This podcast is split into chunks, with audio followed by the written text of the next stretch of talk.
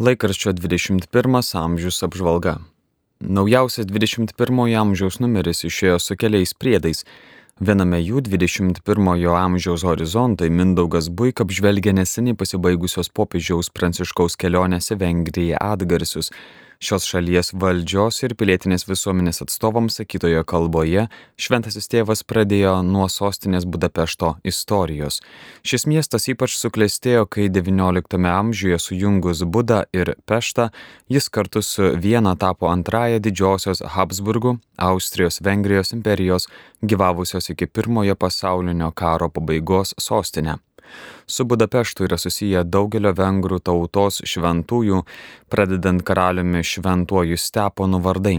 Sostinė dabar užima dominuojančią ne tik politinę, bet ir ekonominę bei kultūrinę padėtį. Vengrijos gyvenime vien jau dėl to, kad joje telkėsi beveik ketvirtadalis iš dešimties milijonų šalies gyventojų kurių dauguma 63 procentai yra katalikai. Antroji didelė konfesija Vengrijoje yra protestantai, reformatai, kalvinistai, kuriai priklauso 22 procentai šios šalies tikinčiųjų. Beje, dabartiniai Vengrijos valstybės vadovai, premjeras Viktoras Orbanas ir prezidentė Katalina Novak, su kuriais šventasis tėvas pirmiausia susitiko po oficialios prieimimo ceremonijos, yra reformatai. Jie yra pamaldus krikščionys, drąsiai išsako tikėjimo nuostatas viešojoje erdvėje tiek nacionaliniu, tiek ir tarptautiniu lygmeniu, stengiasi, kad tradicinės vertybės būtų apgintos primamuose įstatymuose.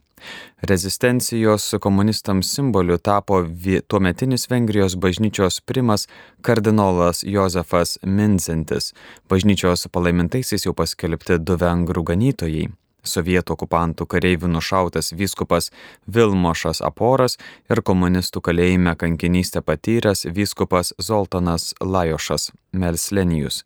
Popiežius aiškino, kad dramatiški 20-ojo amžiaus įvykiai Vengrijoje, Europos širdyje skatina apmastyti apie mūsų žemynų situaciją dabar ir vienijimosi procesą. Kalbėdamas apie Budapeštą kaip šventųjų miestą, popiežius paminėjo vengrų tautos krikštytoje karalių šventąjį Steponą. Dabar šio valdovo yra apaštalo memorialinis paminklas yra sakrali Budapešto vieta, prie kurio susitelkiama maldai, o šventajam Steponai dedikuota katedra yra tikroji dvasinė sostinės širdis.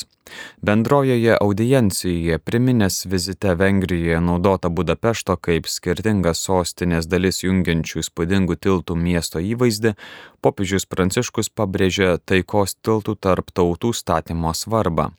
Jo įsitikinimu tai yra ypatingas pašaukimas ES, kuri yra kviečiama būti taikos tiltų tarp ją sudarančių tautų bei priimti tuos, kurie nelaimėse beldžiasi į jos duris.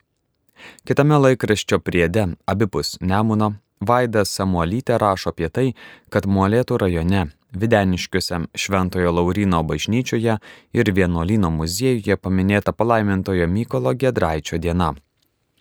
Šiemet ji išskirtinė tuo, kad maldos namai atrodo kur kas geriau negu ankstesniais metais, nes atlikti koplyčios ir zakristijos stogų, fasadų tvarkymo ir remonto darbai. Remonto čia jau iš tiesų reikėjo, nes matėsi, kad vietomis stogų danga buvusi keura, vietomis tinkas atkritęs kartu su plytomis, banguotas atšokęs. Priedė jaunimui žvilgsniai Ramutė Stanislovaitė nedalyjas įspūdžiais iš Rokų.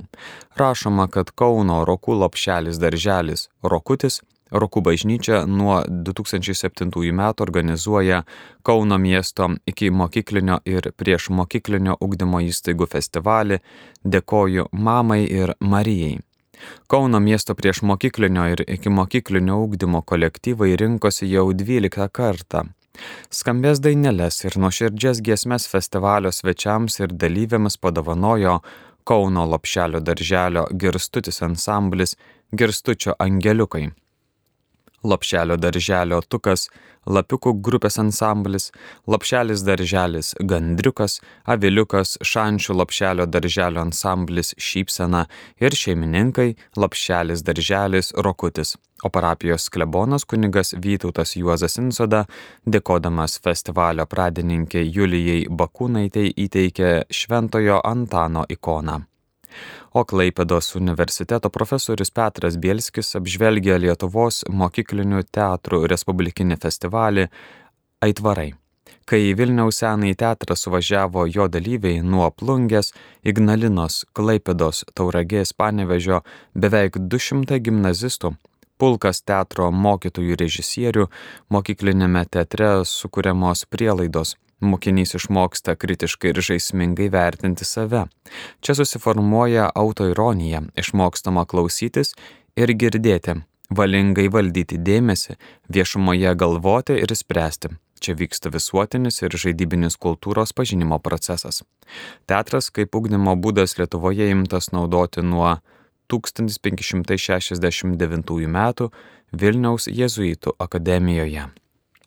Apžvalgą parengė laikraščio 21 amžius redakcija.